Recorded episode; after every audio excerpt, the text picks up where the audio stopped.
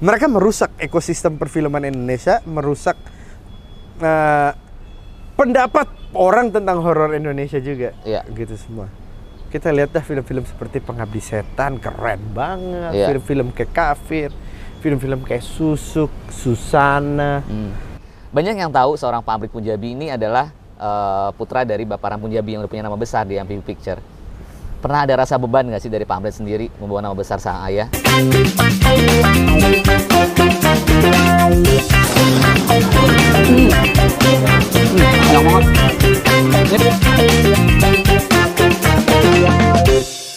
Oke, di podcast Sibilang Reka ini gue udah kedatangan seseorang yang sibuk banget, tapi senang banget karena bisa berkolaborasi.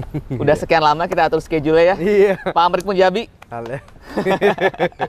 thank you so much Pak Amrit Thank buat you. waktunya. Thank you. Sebelumnya gue mau ngucapin congrats buat filmnya Diambang Kematian. Amin. Bisa per hari ini dua- 2,3 juta penonton ya. Yes. Keren. Amin amin. Hopefully hopefully bisa lanjut dikit. Congrats juga buat kita juga dan thank you banget buat dong. kesempatannya talent aku dikasih kesempatan buat Pasti. para Spatik buat main Amin. di sana. Dan kemarin juga Mangku Jiwo juga talent kita juga ya. Ya Samin Jasmine dikasih kesempatan. Yoi. Selalu dipercaya dengan Pak Amrit. Thank you banget. Dan sekarang juga mau tampil di konten aku itu thank you banget. I'm sorry really appreciate it. Thank you Pak Amrit. Thank you thank you. Tapi sebelumnya aku mau nanya, pernah kebayang nggak untuk Diambang Kematian bisa nyampe di 2,3 juta penonton per hari ini ya? Hari ini hari apa? Rabu tanggal Rabu 18 tanggal Oktober jadi. Iya. Iya. Nggak, nggak kebayang sih, to be honest. Maksudnya waktu itu saya aja, I don't know, maksudnya dari saya pemikiran seperti ini ya. Kalau saya selama membuat film ini udah dari banyak macam, dari komedi ke love story, ke traveling, romcom, terus ke horror dan lain-lainnya. Seumur hidup, selama saya buat film ini, saya masih ngerasa film saya yang paling bagus dan saya paling banggain adalah Mangku Jiwo. Oke. Tapi ternyata film saya paling banggain itu nggak pernah nyampe satu juta gitu kan. Iya. Lalu diambang kematian. Maksudnya saya belajar tentunya dari kesalahan-kesalahan saya. Maksudnya dengerin komen-komen orang di YouTube, di Instagram, di mana pun itulah kita baca-baca komennya apa pun semua. Ya intinya yang saya mikir keren itu Mangku Jiwo. ah, ah, dan ternyata tuh nggak keren. Dalam arti maksudnya gini, ah, bukan sesuatu yang menjadi taste-nya masyarakat Indonesia lah ya. Hmm. Saya rasa Mangku Jiwo itu masih niche banget.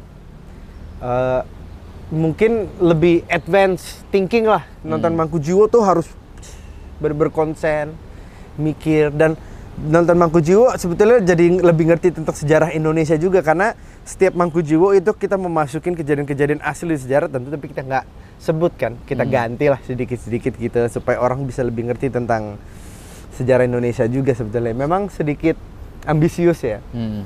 makanya mungkin saya rasa gara-gara itu nggak nggak nyampe dan nggak dapat penontonnya di sini.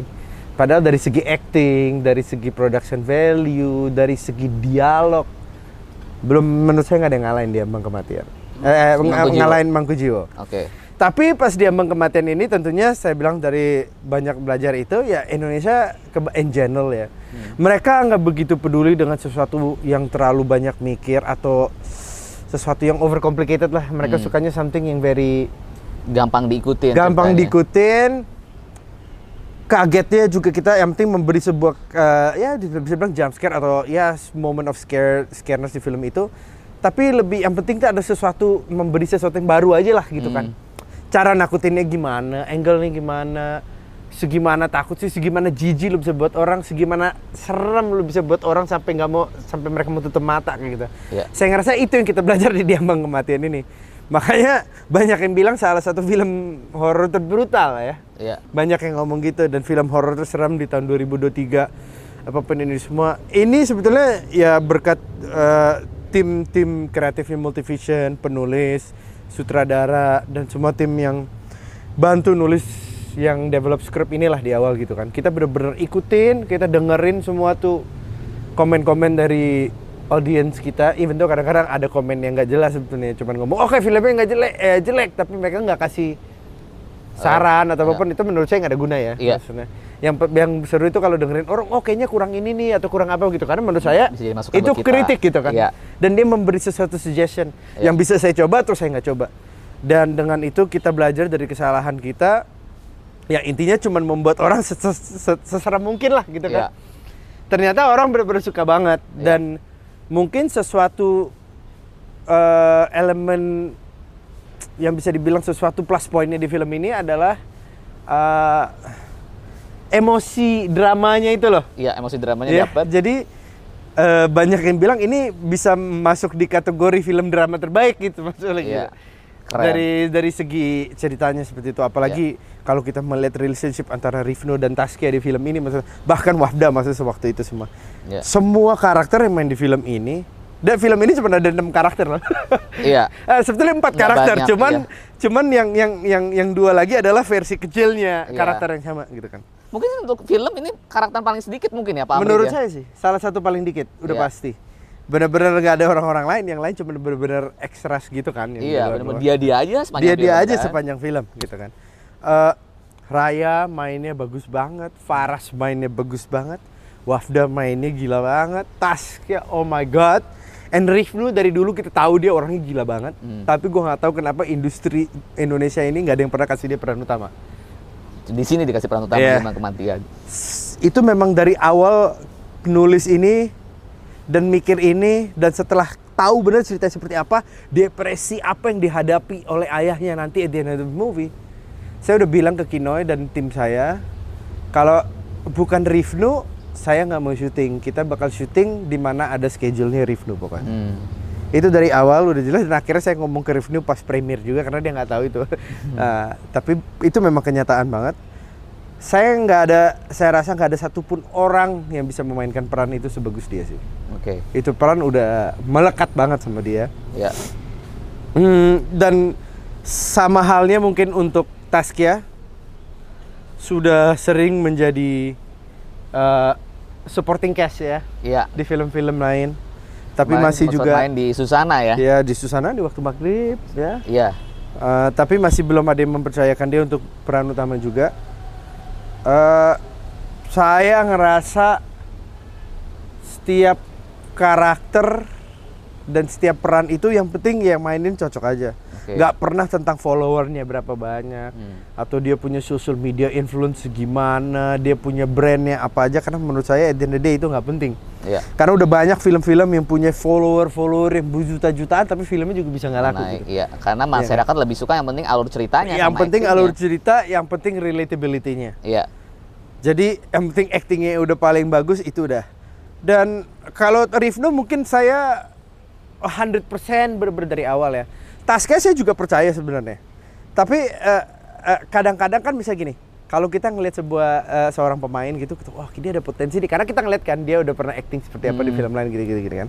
Tapi kalau kita belum ngeliat Belum di lihat depan muka kan beda ya. Iya. Kalau belum melihat depan gini. Eh, tapi kita ada reading sekali. Ini salah satu reading paling pertama nih ya. Hmm. Terus scene yang dibacain adalah scene yang paling sedih banget gitu kan. Hmm. Eh, dan orang-orang lagi baca nih ya, kita lagi gini misalnya lagi berdelapan nih. Hmm. Tasnya tuh di sini saya. Dia masih bercanda-canda sama saya kayak "Eh, masih gini-gini gini kan. Ada dialognya misalnya Rifna atau siapa. Hmm. Tiba-tiba abis itu dialogin tas Taskia nih. Hmm. Dia tuh pas udah mau dialogin dia, dari yang tadi lagi bercanda sama saya, tiba-tiba langsung gini, Berubah. gini dikit. Tiba-tiba nangis Oke. di depan saya. Gini, saya lagi reading sini.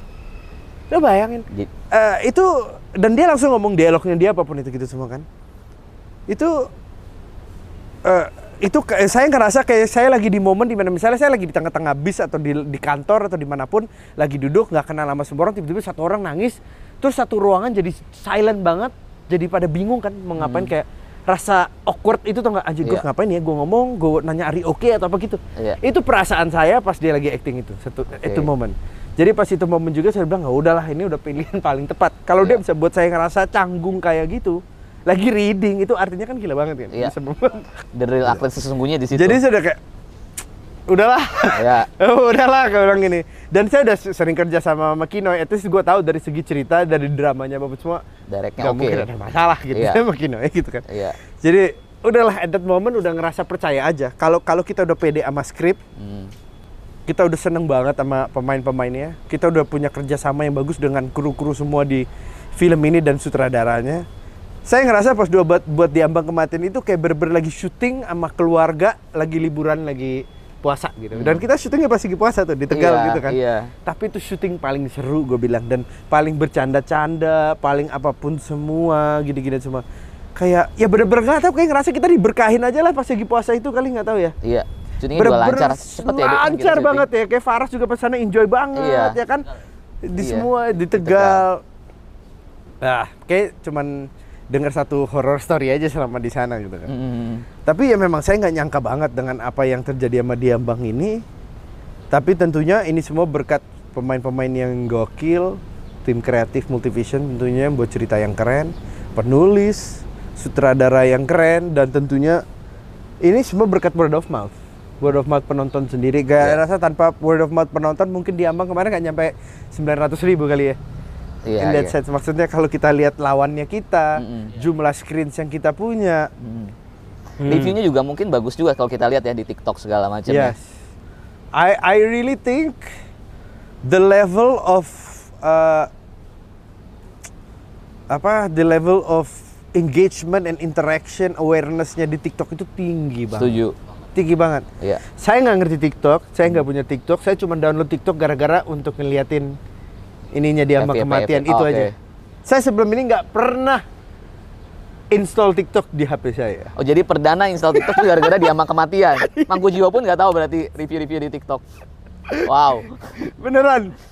Beneran. Karena saya nggak percaya Ya. pas orang-orang bilang lo nggak tahu ini di TikTok di Ambang lagi happening banget. Hmm. Ya, ah, masa lah gue pikir gitu ya apa sih happening lo, lo kan lihat tuh Sherina semua gue bilang gitu misalnya ya. Iya. Kan lu Sherina kan penonton baik banget gitu. Iya. Gue udah takut banget gitu Iya. beneran. Oh ya kita barengan head to head sama si potongan Sherina ya kemarin. Hmm, dan beneran deh pokoknya saya nggak percaya banget sampai akhirnya bener disuruh download aja gitu saya saya belum ada username belum apa cuman cuman bisa gini tapi Lihat belum doang, bisa like iya. belum bisa komen ini sih gitu baru gitu doang. Iya. tapi ya bener saya ngeliat sendiri anjir gila ya Iya. maksudnya bener saya ngerasa dan itu semua saya bener kayak Oke, it makes sense dari how much hype ada di TikTok, berapa banyak orang yang ngomongin. Hampir setiap kali gue swipe, yang keluar pasti cerita tentang diambang kematian gitu. Iya. Jarang yang lain gitu. Selalu diambang, diambang, diambang, diambang, diambang terus gitu. Saya bilang, oke, oke, berarti I, I understand now the hype gitu kan semua. Iya. Ya dari sana sih everything ya tinggal ya just terserah apa yang Tuhan inginkan lah gitu sama yang penonton mau gitu. Iya. Kita cuman go with go with the flow aja sih. Target berapa Pak? Apa Amrit untuk dia kematian untuk sampai hari ini kan udah 2,3 juta penonton. Dari Pak Amrit sendiri punya target berapa? target awal mungkin ya target awal mungkin berapa? Ya target, awal berapa? Target sekarang berapa? Target awal saya 750 ribu. setara mangku mangku malah lebih awalnya pak ya Saya mikir mangku bisa 1 1,5.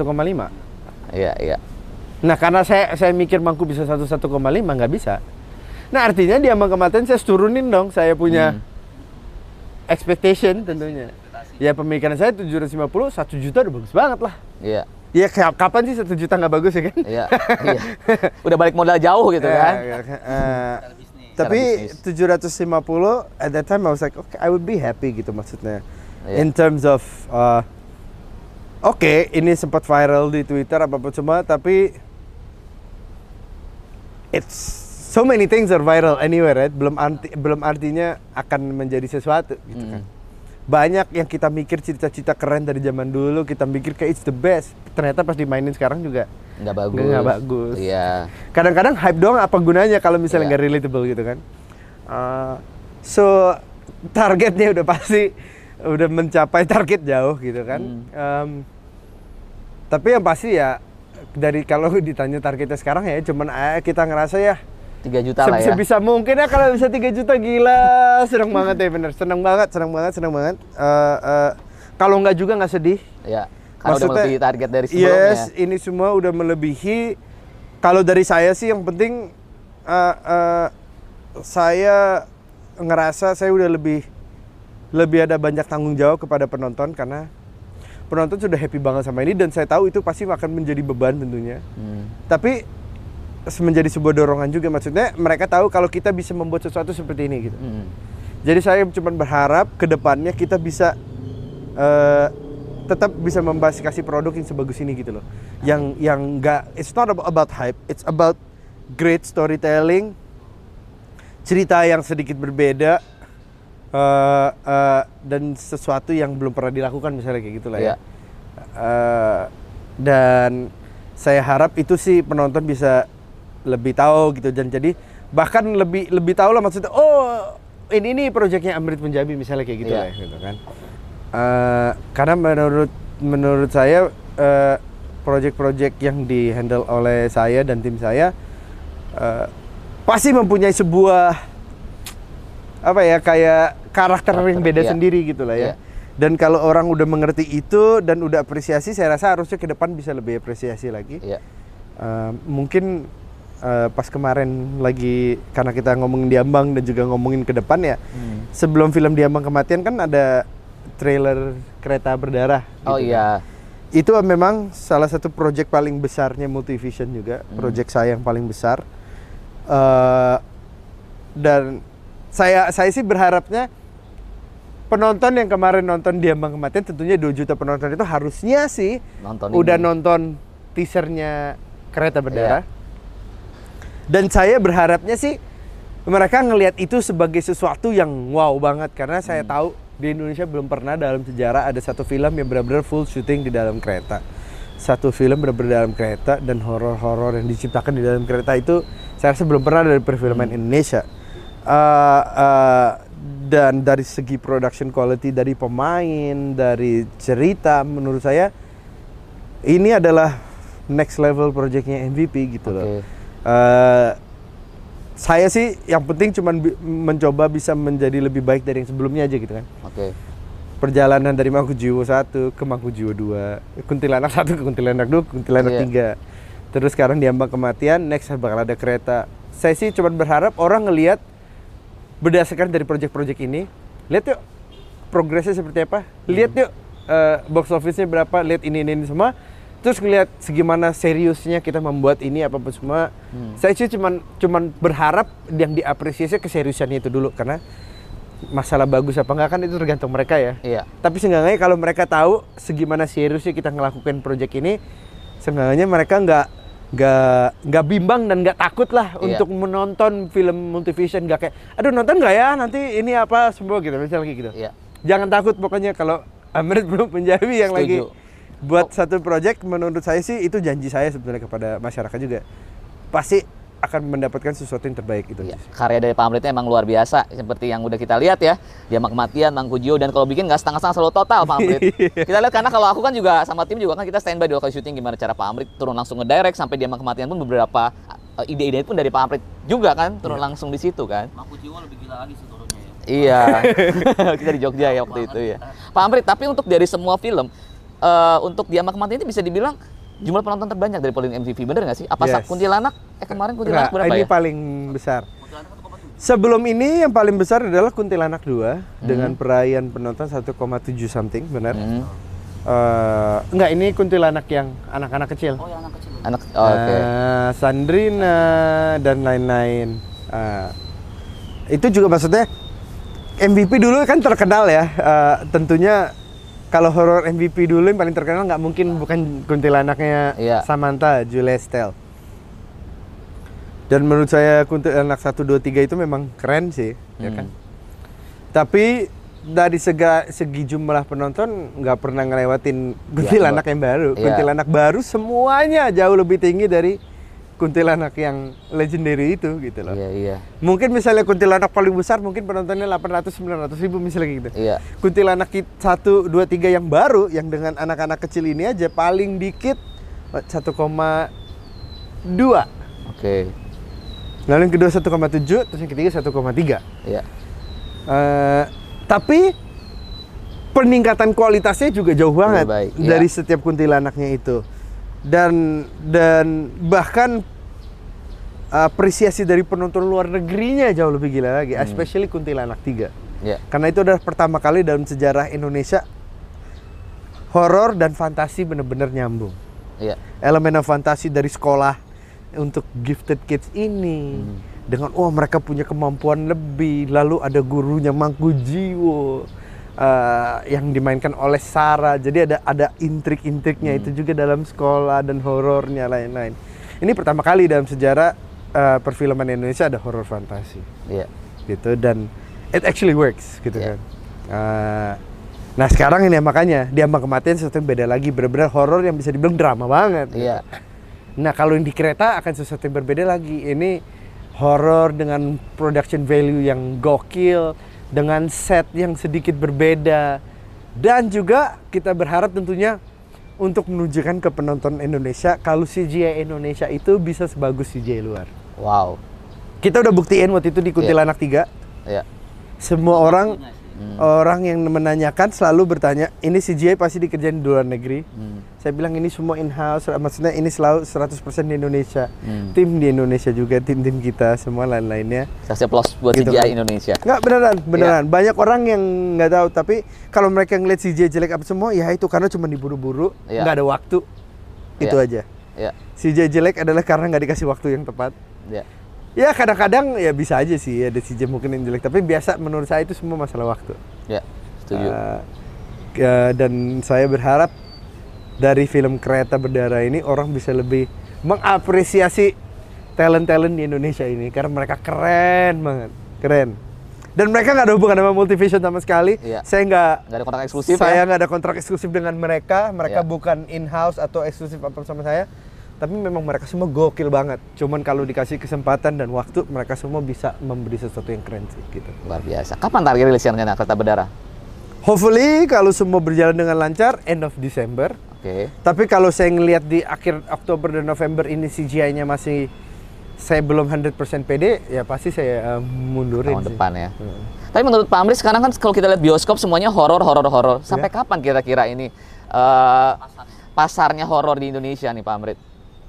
Hmm. Menurut Pak sampai tahun depan am- Gimana ya?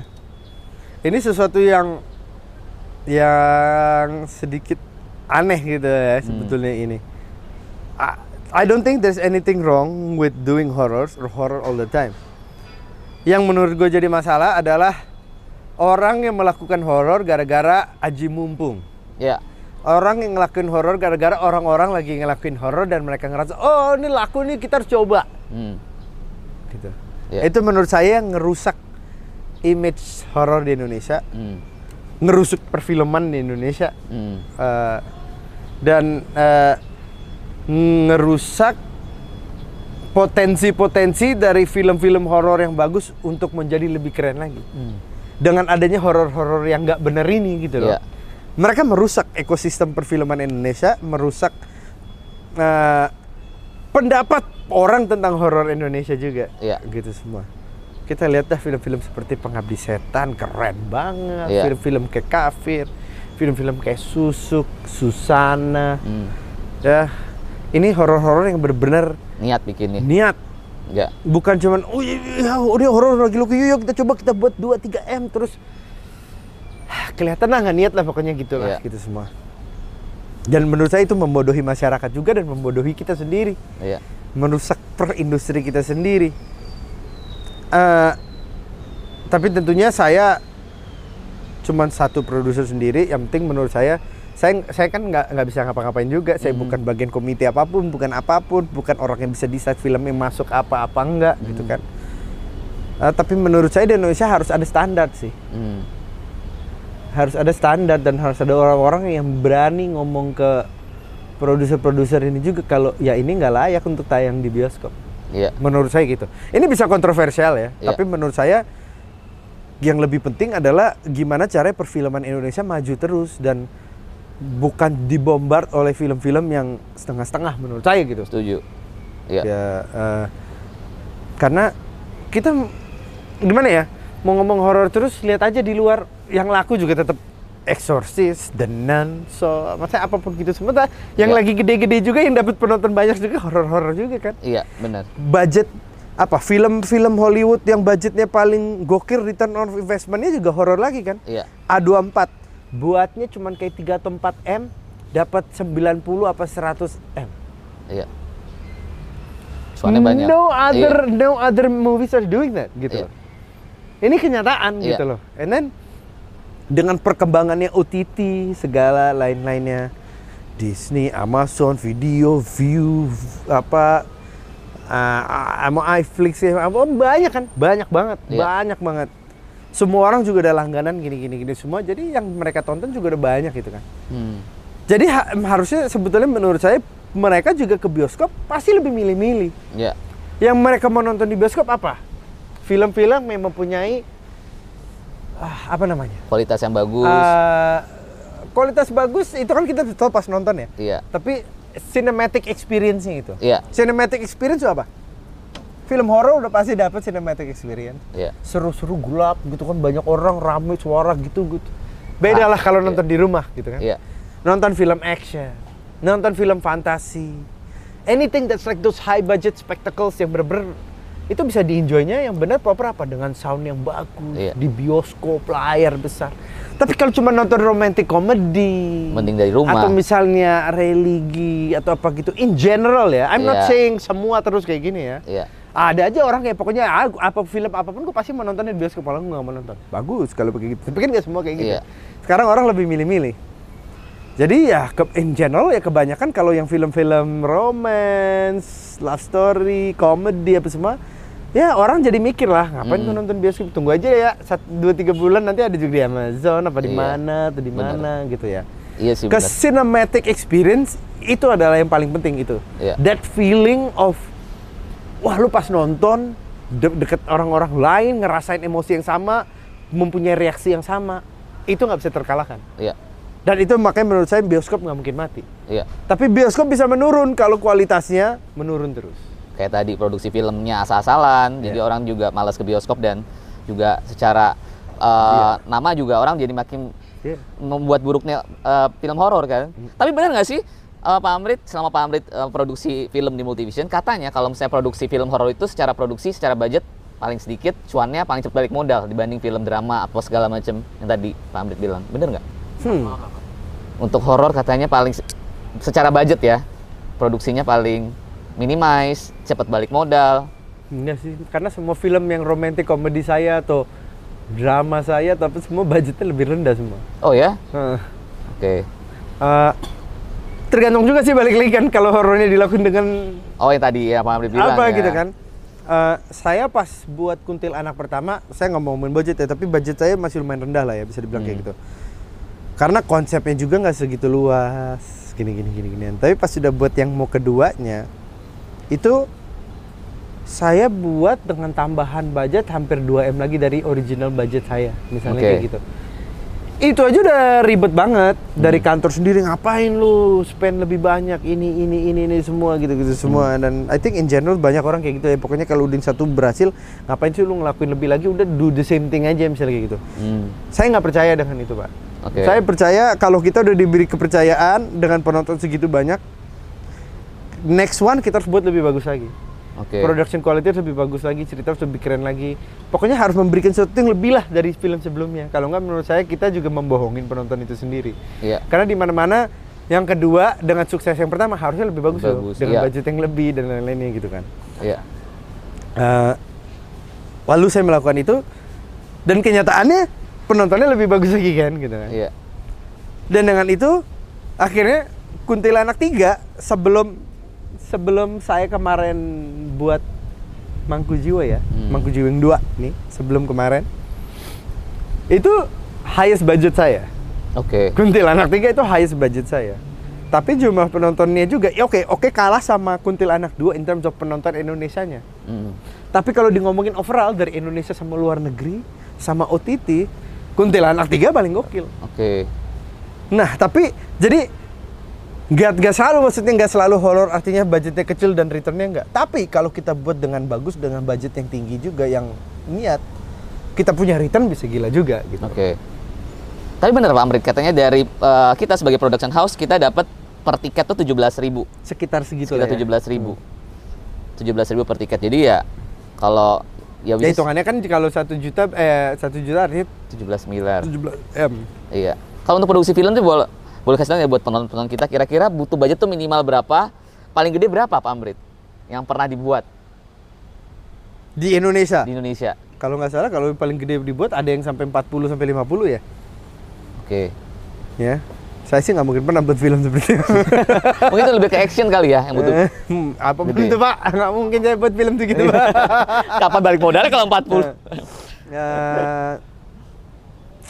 kayaknya paling gede bisa segitu ya 30 40 mungkin lah ya. Saya nggak ngomong 40. Anak-anak muda sekarang banyak banget soalnya pada pengen bikin film, pengen film. Ah. Saya punya nih banyak teman-teman. Berapa sih modalnya kalau mau bikin film itu? Kalau paling rendah, aduh saya nggak tahu nih paling rendah. Kata Pak gue nggak pernah bikin paling rendah kalau multivision. Paling rendah. Ya menurut gua saya standar sih 5 6 mah 5 6 minimal ya. Oke. di bawah 1 M ya. Kemarin ada temen gue yang bilang lu punya duit budget 2 M juga lu bisa bikin film gue bilang masa sih iya sih eh ya kita ada budget 100 ribu juga bisa makan kan iya juga 10 ribu bisa makan 100 Tapi ribu makannya bisa enak apa makan enggak masalahnya? 1 juta bisa makan iya terus gimana nih? Kan benar juga sih. Oke Pak Amrit ini back to uh, tentang podcast aku ya tentang podcast di belakang layar. Mungkin teman-teman penonton gue tuh pada pengen tahu juga sejarahnya seorang Pak Amrit Punjabi. Banyak yang tahu seorang Pak Amrit Punjabi ini adalah uh, putra dari Bapak Ram Punjabi yang udah punya nama besar di MPV Picture. Pernah ada rasa beban nggak sih dari Pak Amrit sendiri membawa nama besar sang ayah? Dan gimana cara menghadapi Pak Amrit menghadapi seperti itu kalau sini? Beban sih udah pasti. Dari dulu itu beban. Hmm. Nah, setiap hari selalu bilang oh kamu harus kayak Ram Punjabi ya. Hmm. kamu harus kayak Ram Punjabi ya. Atau kamu harus lebih keren dari Ram Punjabi ya. Setiap hari dengernya itu terus itu Iya. terus itu terus. Eh, ya saya nggak mau jadi Ram Punjabi kok. Saya jadi diri saya, saya mau jadi Amrit Punjabi aja. Iya.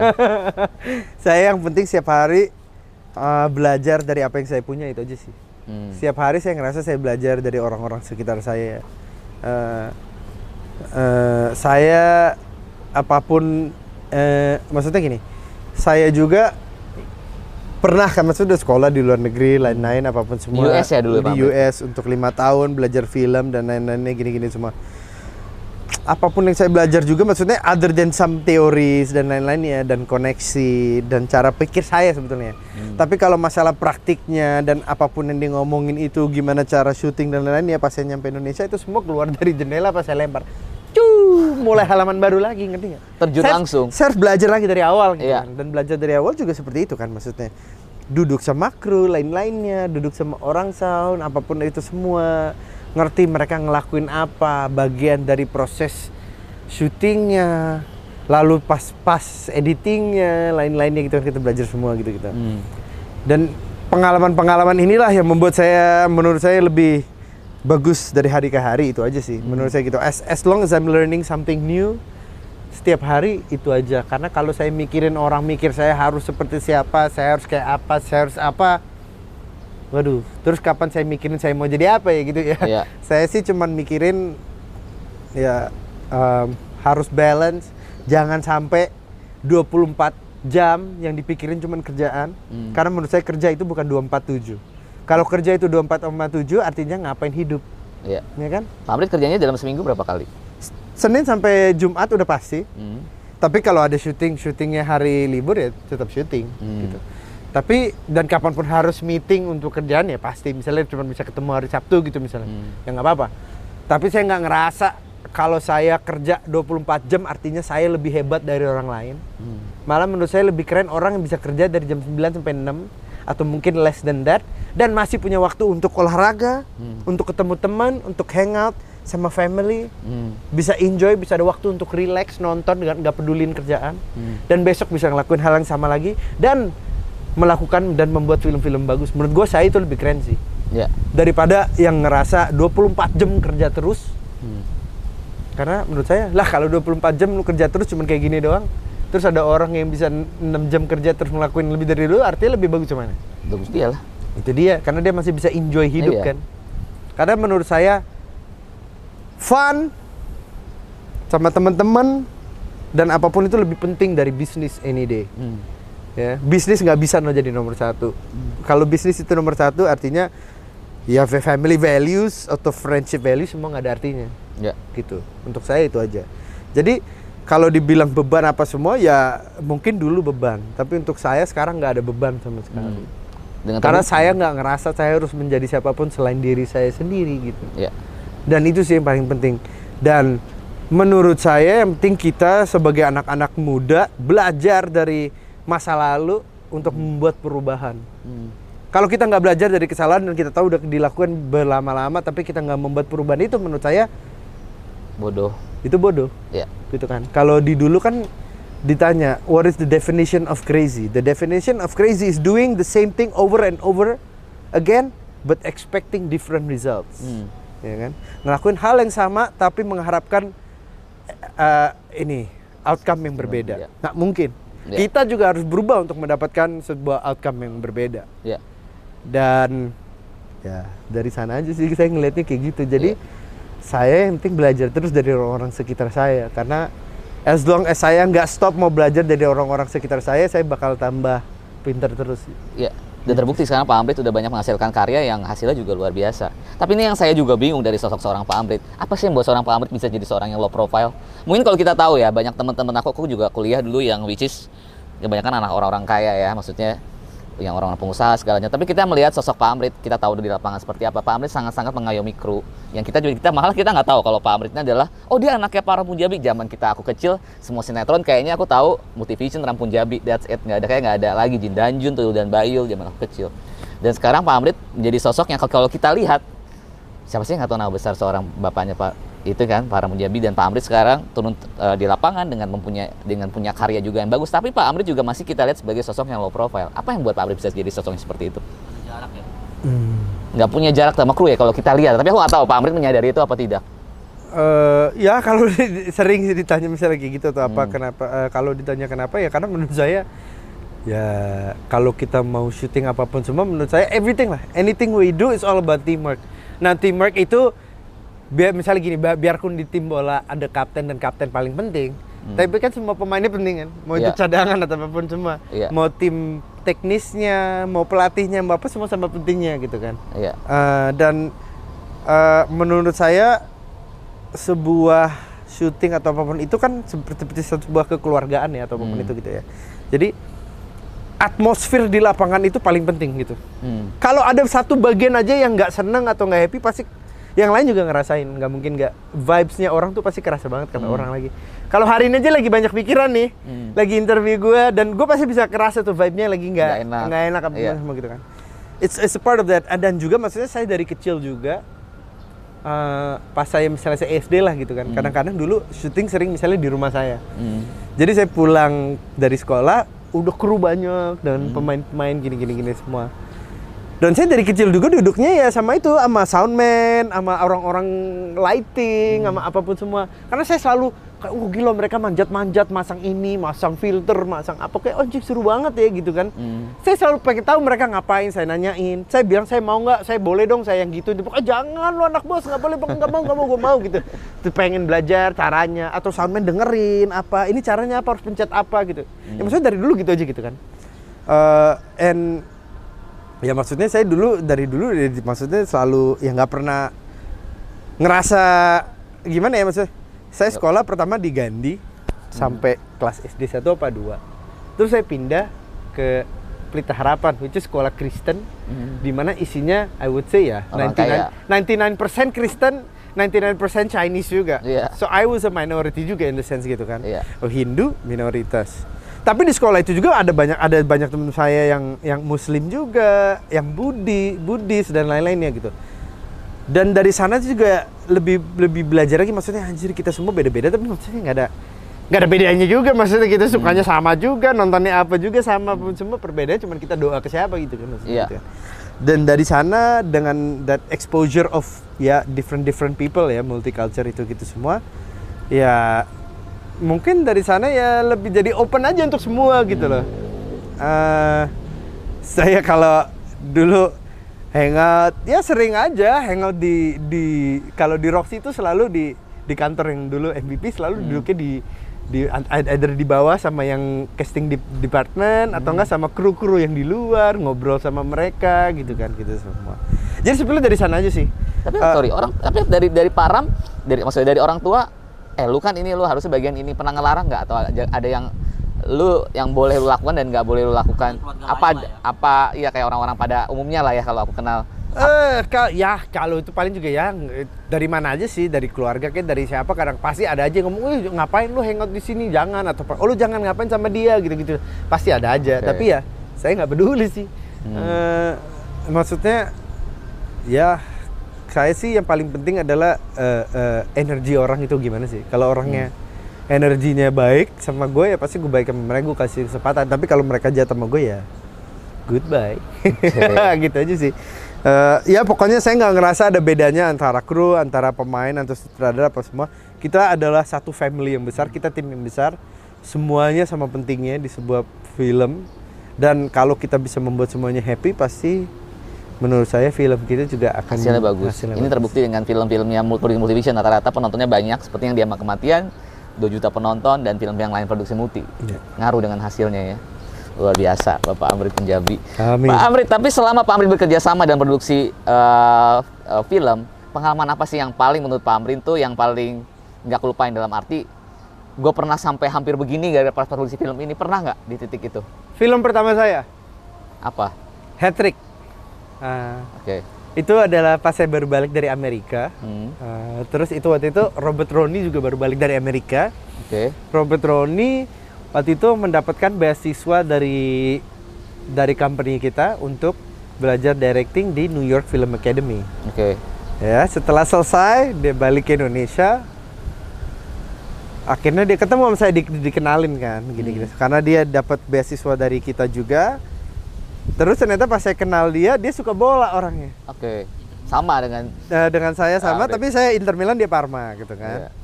Da- dari sana Italia, dari sana baru ngomong jadi "Ki, apa kita buat aja yuk film pertama kita film bola, Bola. yuk gitu. Karena saya mikir fans bola banyak. Indonesia kan gila kan, Iya. gila bola, lain-lainnya gini. Indonesia suka komedi kan, Iya. gini-gini. Saya gimana kita gabungin bola sama komedi, action comedy, sports comedy.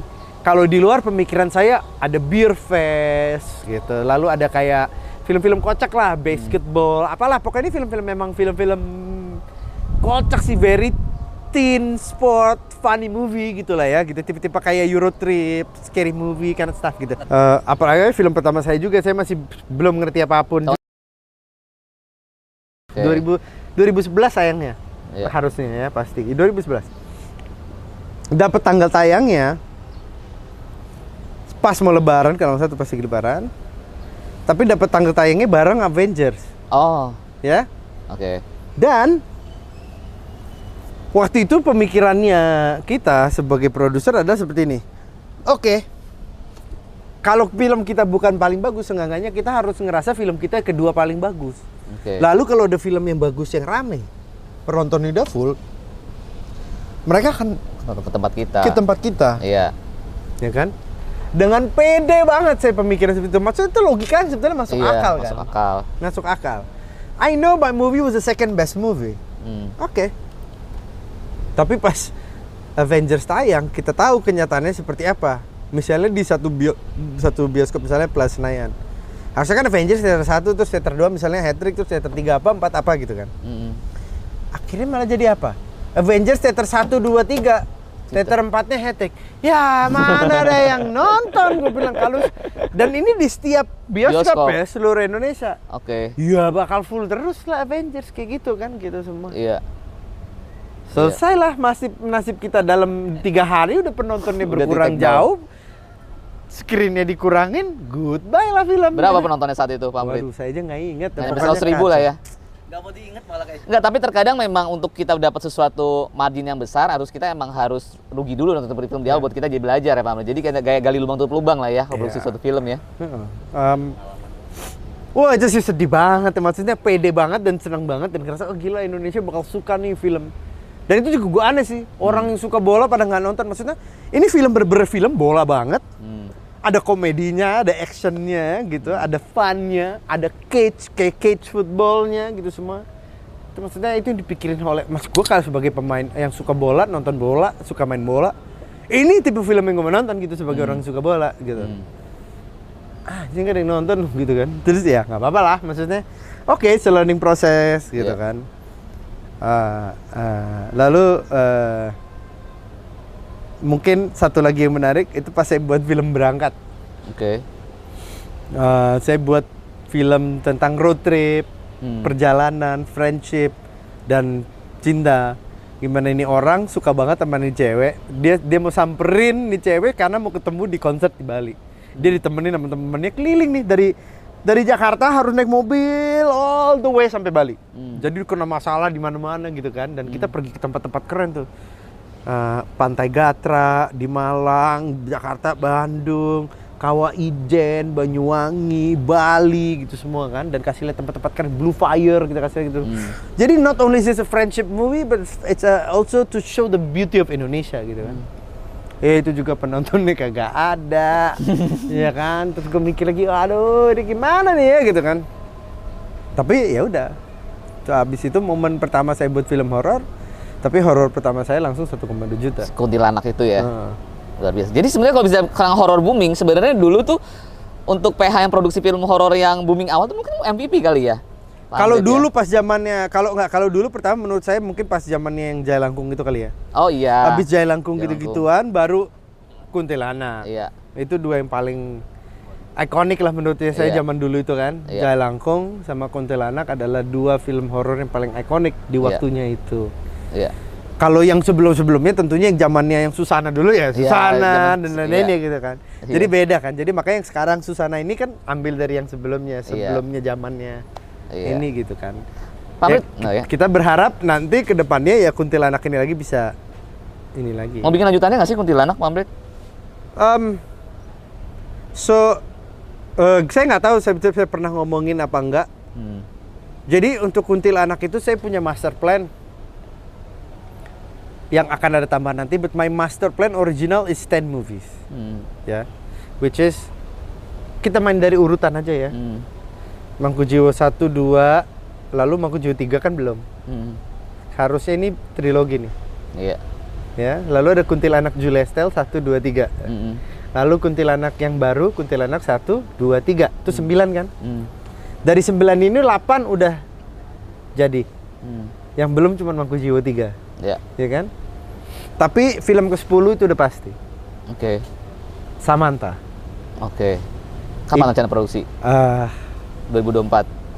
let's see Hmm, bener-bener kita lagi masih ngerjain skripnya kita udah mulai kerjain skripnya mungkin dua bulan yang lalu ya tapi menurut saya proses kerjain skrip ini pasti saya perlu sekitar 6 sampai 8 bulan lagi untuk saya ngerasa oke saya pede nggak ya Ya. baru saya bisa ngomong sama Julie pede dan kalau dia suka baru mungkin bisa shoot dan lain-lainnya gitu Oke.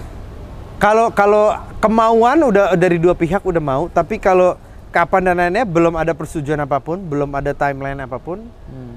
tapi itu adalah saya punya eh, Keinginan. keinginan dan master plan saya Oke. D- makanya saya bilang nanti di antara ini saya pasti akan buat Mangkujiwo 3 gitu. Oke. Ah, di tengah-tengah itu lalu tentunya dari dunia itu akan ada film Ponta Ponti juga Monta-monti horor juga. horor nah itu akan menjadi nomor 11-nya di Kuntilanak Universe Oke. tapi semuanya ada waktunya masing-masing gitu Oke. jadi saya memang udah ada plan untuk beberapa banyak dan bahkan ada sempat kepikiran untuk mer- me- revive lagi dan mem- mem- membangunkan lagi brand dari Pulau Hantu sendiri Oke. karena kalau kita tahu Pulau Hantu pertama filmnya bagus Iya. seru banyak pemain-pemain yang Pulau Hantu tuh produksi multi ya? Multivision Oh, oke. Lalu pas Pulau Hantu 23 ya itu waktu itu mungkin udah zamannya horor di mana-mana semua lebih seks dan cewek seksi dan lain-lainnya. Jadi ya sedikit beda banget ya sama Iya. yang, yang pasti nggak mungkin jalan sekarang gitu kan. ya. Iya. Dan saya juga nggak mungkin berpikiran seperti itu. Tapi Pulau Hantu bisa menjadi sesuatu yang akan menarik juga. Hmm. Eh, karena brandnya besar, film pertamanya bagus, dan tentunya saya akan menjanjikan kalau ini menjadi sebuah cerita yang akan beda lagi, production value yang seru, Hmm. sesuatu horor yang seru lagi gitu. Oke. Luar biasa. Pak Amrit, siapa sih artis Indonesia yang Pak Amrit pengen kerjasama tapi sampai sekarang belum bisa? Buat mem- buat di produksinya Pak Amrit. Hmm, BCL? Raffi BCL kan udah pernah kerja di Tiga Sri Kandi, tapi ya oke kalau misalnya yang ber- project-project saya, siapa ya? Raffi Ahmad? Hmm. Sedikit Reza. Rahardian? Kayak semua kayak pada film pada ngejar Reza Rahardian ya? Ya Reza Radian udah Oh, udah sebetulnya di ya? Tiga Sri Kandi ya. Oh iya. Eh, Vino juga udah ya.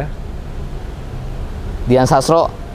Dian Sastro mungkin. Dian Sastro. Ah, kalau cewek ada dua sebenarnya ya. Karena saya udah dapat keinginan saya, eh, tentu Yasamin sama eh, apa?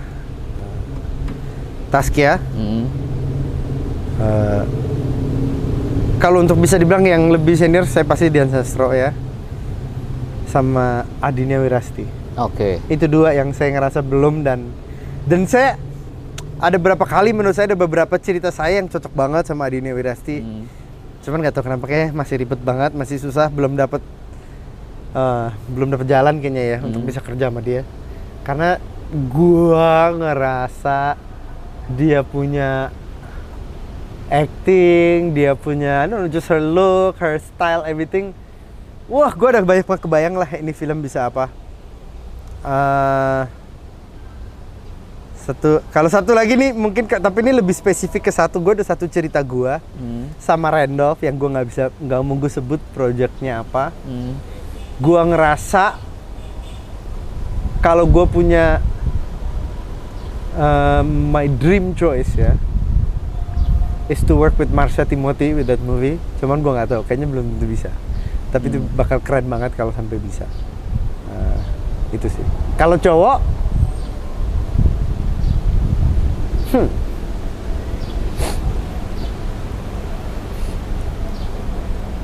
Mungkin Ada kemungkinan nggak sih, Pak- Nicholas Saputra Oke. Nikola Saputra. atau enggak Jota Taslim. Wow.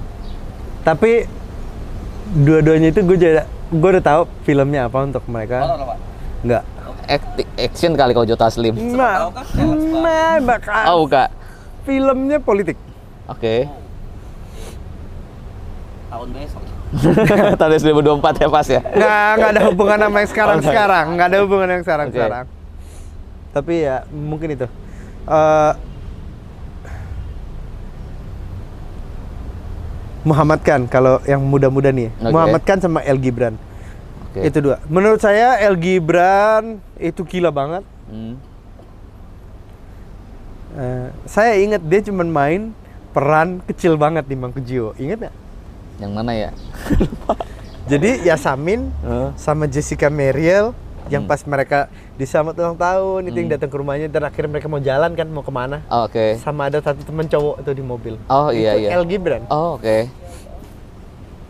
ya kan Iya. lalu saya ngeliat dia main kan tapi itu kalau nggak salah pas di Sri Mulat ya atau di mana sih saya lupa dan dia Hmm. main bagus Hmm. banget wah gue bilang satu waktu gue harus kerja sama dia Hmm.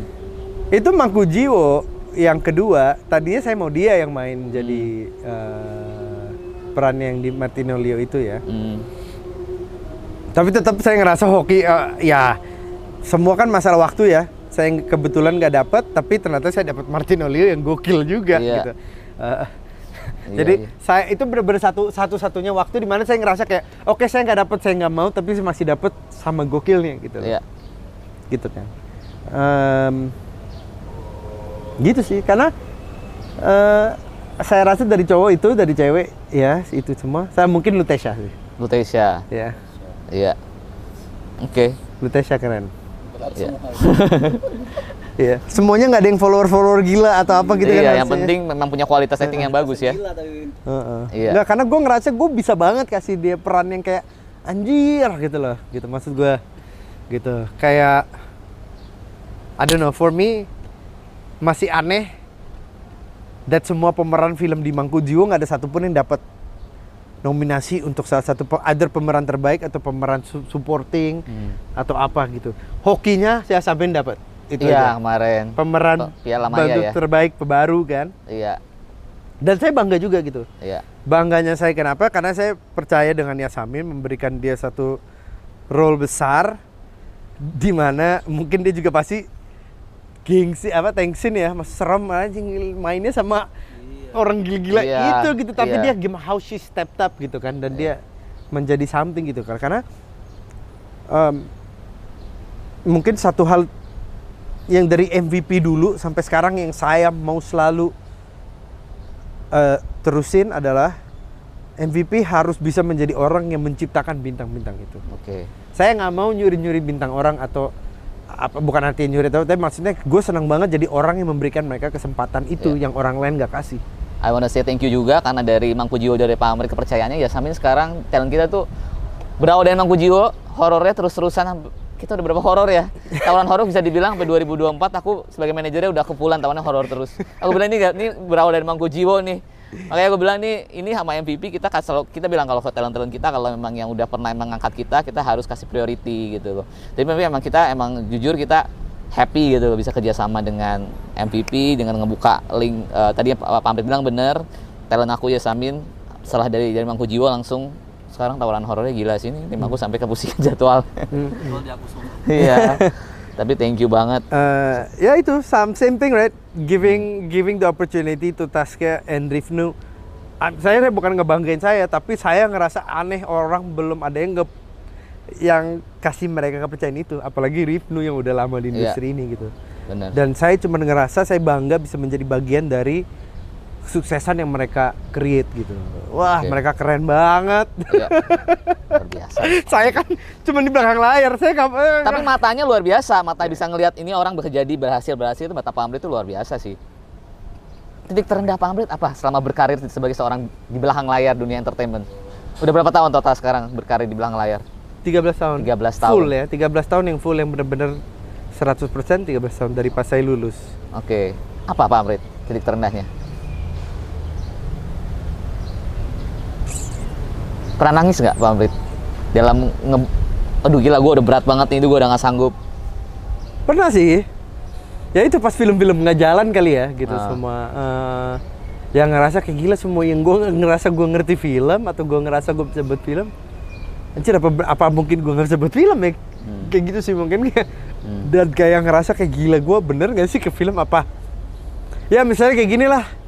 Eh, bukan beban tapi kayak kadang-kadang jadi kepikiran omongan orang misalnya kayak I, I, I think mau industrinya apa pun kayak gitu misalnya, oh ini kan perusahaan bokapnya, dia gara-gara anaknya doang gitu. Hmm. Jadi gue juga ngerasa anjir apa karena gue anaknya doang ya gitu kan? Hmm.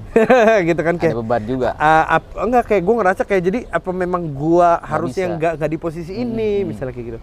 Apa bener gue harus jadi produser gitu apa pun gitu ya pernah per- merasakan itu juga Eh, atau misalnya mikir kayak hmm, even though akhirnya saya lepas dari pemikiran itu ya pas Mangku Jiwo 2 tayang dan dapat penonton 580 ribu atau pakai 600 itu saya sempat down banget. Downnya kenapa? Karena ini film yang saya paling banggain film saya ngerasa paling keren.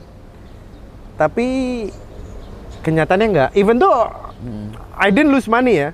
I didn't lose money but di sana I felt I lost my hope Hmm. dalam arti gila film yang gue bener-bener Yakinin banget. yakinin banget udah ngerjain segila-gila mungkin tapi gue ngerasa kayak anjir gini doang ya berarti pemikiran gue adalah bukan pemikiran Netizen. netizen bukan pemikiran audiens Indonesia Hmm.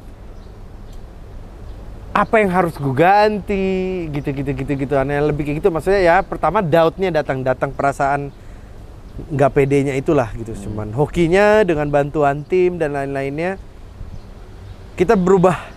Nggak kepedean itu menjadi yuk yuk kita Bikin kita kita nih? coba aja kita let's just try different thing. Dalam arti kita bener-bener yuk kita dengerin orang-orang ini ngomong apa. Hmm. nanti kita lihat gitu. Kalau misalnya nggak berhasil juga ya berarti mungkin audiens juga nggak tahu mereka mau apa in that sense misalnya Hmm. kayak gitu kan tapi ya kita kebetulan dengerin yang mereka mau dan jadi kayak gini ya gue rasa itu turning pointnya di sana sih dalam Ya. arti kayak ya maybe if we give our all pede juga ngelakuinnya juga seneng dan bener-bener ngedengerin yang mereka mau belajar lah gitu bukan mungkin kita nggak harus dengerin 100% tapi as long as kita ngedengerin mereka dikit dan coba membuat perubahan itu udah lebih bagus dari sebelumnya gitu kan Iya. yang penting itu Pernah pernah mau berhenti nggak dari, dia bisnis dunia entertainment? Mungkin bisnis yang lain. kadang-kadang sih pernah aja ada pemikiran itu kadang Oke. gue mikir apa gue buka bisnis apa gitu kecil di mana pindah Hmm. tapi kalau stop juga gue kemungkinan keluar negeri sih gue tinggalin Indonesia Oke. Bisnis apa? Rencana. kafe kayak mau lapangan futsal kayak apa pun itu ngapain itu Hobi. iya kalau gue bisa buka kafe di, di pantai di mana atau terus lap, ap- bu- buka lapangan futsal di mana yang tempatnya rame ada orang terus dan ada tempat hangoutnya mungkin ya. Yo iya Sampai ada entertainmentnya tetap ya. Eh, Karena punya bisnis entertainment. Oke. Pak Amrit Punjabi luar biasa. Thank you banget buat sharingnya. Thank you. Ini dapat cerita yang luar biasa buat teman-teman buat podcast di belakang layar. Kita dapat cerita gimana cara pembuatan dari produksi dari suatu film, bisa sampai film itu berhasil tentang perjalanan hidupnya seorang Pak Amrit Punjabi yang luar biasa. Ini jadi inspirasi buat kita. Semoga ini juga bisa jadi inspirasi juga buat penonton YouTube Bris Entertainment. Kita mau kasih tahu juga, jangan lupa kalian bisa tonton semua konten kita, podcast di layar, mabar, bisa ditonton di semua penerbangannya batik layar air di aplikasi Tripper. Dan, buka dulu. Wih. Oke, kita ada souvenir Keren. buat tamu kita, buat Pak Amrit Punjabi. Semoga Thank ini you. bisa disimpan souvenir dari kita tim podcast. Ini pasti gue pajang. Thank Keren. you loh. Keren, keren. Thank you. Thank Thank, you you banget. banget loh. Thank you. Semoga ini bisa jadi inspirasi juga buat teman-teman penonton kita podcast di belakang layar. Thank you banget buat waktunya. Sehat selalu. Semoga selalu sukses Pak Amrit, selalu sehat dan produksi-produksi filmnya Kereta Berdarah dan sel- dan film selanjutnya lancar. Melebihi dari film Damang Kematian. Amin. Damang Kematian. Kalau bisa, amin. eh, apa? Ready tuh 3 juta penonton ya. Amin. Amin, amin. Udah membuka-buka film yang Amin, lain. amin, amin. Thank you buat semuanya. Bye bye. Thank you.